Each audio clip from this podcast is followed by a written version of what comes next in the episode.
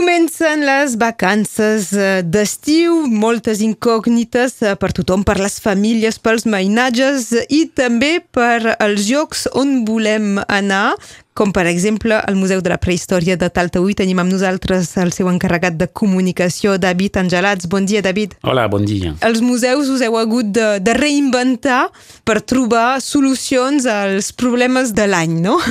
Sí, sí, sí, uh, mica de complicació, un, unes coses més que afegint treball, però um, ens hem adaptat i, i sempre per guardar la filosofia de de les activitats par la famille, de l'expérience, de fer una experiència de la prehistòria. I doncs eh, estem, estem al punt, hem, hem obert el museu hi ha un mes.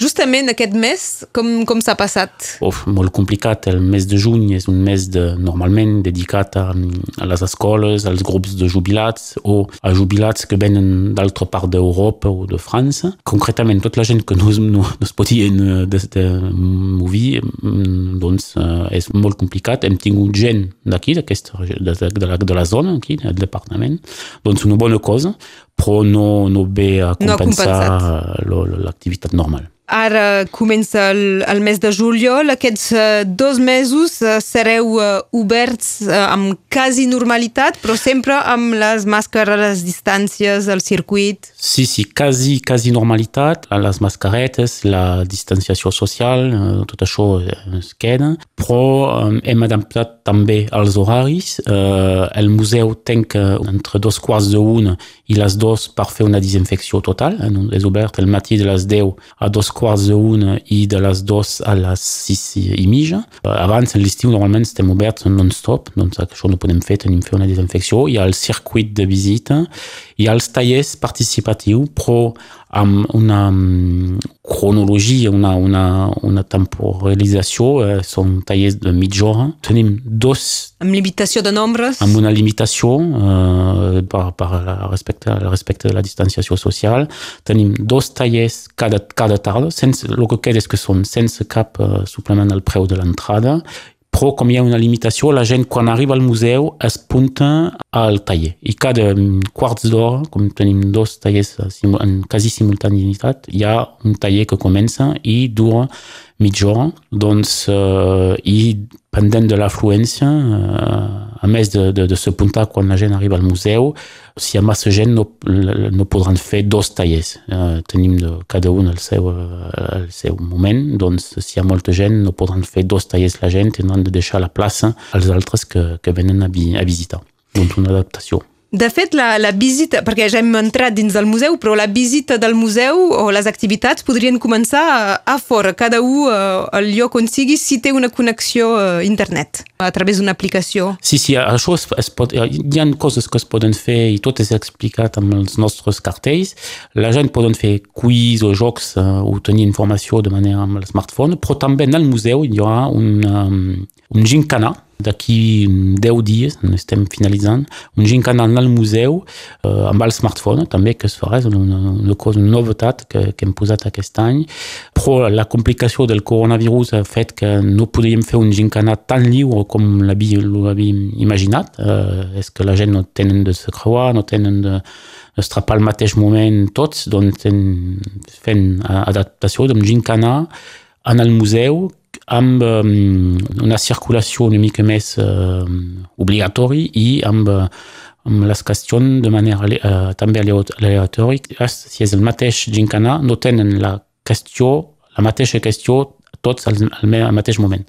És una novetat de l'estiu també, un gincana en realitat augmentada amb el smartphone. Això és una cosa totalment sense suplement a la visita i la gent uh, ho fa o no, o no ho fa com, com vol, posa un, un bonus, un bonus a la, a la visita del museu. Doncs és la, la realitat augmentada, podríem dir la, la prehistòria 2.0. Sí, exactament, és la prehistòria 2.0 i a més tenim tot una, una altra gamma d'activitats en aquest, amb la mateixa aplicació, que era l'aplicació que hem utilitzat durant el, el confinament, amb jocs. Doncs hi haurà aquest, aquest gincana al museu, però també tenim uns postals que són al museu que donen, eh, hem posat eh, contingut en suport de carte postale.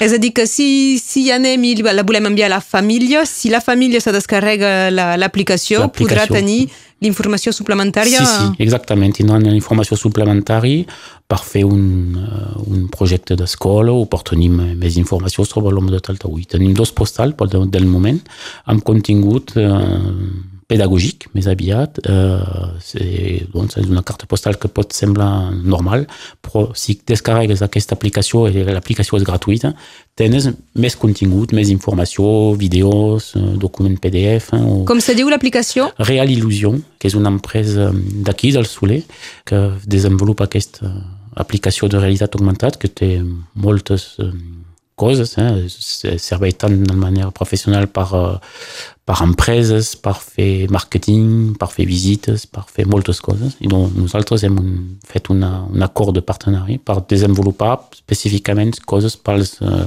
pels museus. Eh, David Angelats, eh, al Museu de Taltaúi hi ha l'exposició permanent, les explicacions eh, sobre la, la prehistòria, però també cada any hi ha alguna exposició temporària. Sí, sí, doncs aquest any, després moltes hesitacions i el retard eh, amb l'epidèmia, amb el confinament, doncs l'exposició que normalment tenia de s'iniciar el mes d'abril s'iniciarà el 1 d'agost, una exposició sobre la prehistòria a Amèrica, que es diu l'Amèrica avant les cowboys, que és una exposició temporal sense suplement a l'entrada del museu, el, el primer d'agost i, i pot ser per un any, doncs, que serà una exposició sobre una, la prehistòria que la gent coneix menys, que és, una prehistòria, és la prehistòria a Amèrica. I doncs eh, és una, una primera, una exposició feta eh, amb els equips del museu i eh, que explicarà una mica les diferències i la, la, aquesta prehistòria que, no, que la gent no coneix, que, que és una prehistòria més aviat que,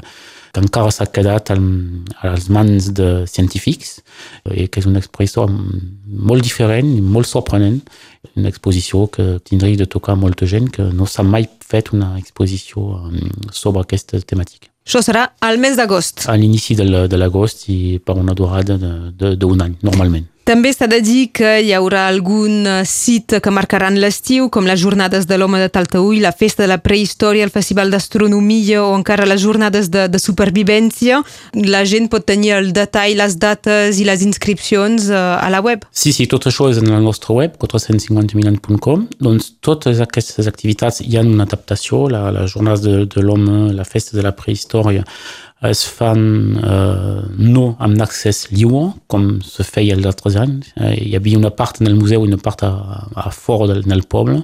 Això no és possible, doncs tot es fa després de passar a l'entrada del museu i de manera molt reduïda, amb distanciació social, eh, respecte de, en tallers d'un nombre de persones i totes aquestes coses. I eh, les, eh, les de, de survi són coses elles que són específiques, també amb una limitació, normalment són 20 persones, aquí tenim una limitació a 10-12 persones, com es fa a l'exterior, i això es fa únicament amb reservació i pagament en línia, i tota la informació és al, a la site web del museu. Les dates d'aquestes jornades de supervivència és 21 i 28 de juliol, 11, 18 i 25 d'agost, ho, ho repetirem, ho direm aquí a, a Radio Arrels. Avui volíem presentar aquest estiu dins de, del Museu de la Prehistòria de Taltaúi i hem rebut als estudis el David Angelats, l'encarregat de comunicació. Moltes gràcies, David. Bé, gràcies a vosaltres. Fins aviat, adeu. Adeu.